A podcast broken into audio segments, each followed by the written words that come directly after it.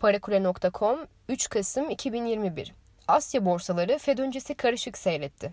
Asya Pasifik bölgesinde hisse senetleri çarşamba günkü işlemlerde yön bulmakta zorlandı. Asya'da endeksler ABD Merkez Bankası Para Politikası Kurulu toplantısı öncesinde karışık bir görünüm sergiledi. Bölgede kazanımların başını Avustralya borsası çekti. Güney Kore'de endeks geriledi. Japonya borsası ise tatil dolayısıyla kapalı. Çin anakarasında Şangay Bileşik ve Shenzhen endeksleri hafif artarken Hong Kong'da endeks yatay seyretti. ABD Dışişleri Bakanı Antony Blinken, Birleşik Arap Emirlikleri Dışişleri Bakanı Abdullah bin Zayed Al Nahyan ile Glasgow'da yaptığı görüşmede petrol üretimini artırma çağrısında bulundu. ABD Dışişleri Bakanlığı'ndan yapılan yazılı açıklamada Blinken'ın İskoçya'nın Glasgow kentinde devam eden 26. Birleşmiş Milletler İklim Değişikliği Konferansı marjında Alnahyan ile bir araya geldiği bildirildi. Açıklamada şunlar kaydedildi. Bakan ve Dışişleri Bakanı Lübnan ve Suriye'deki gelişmeleri görüştü.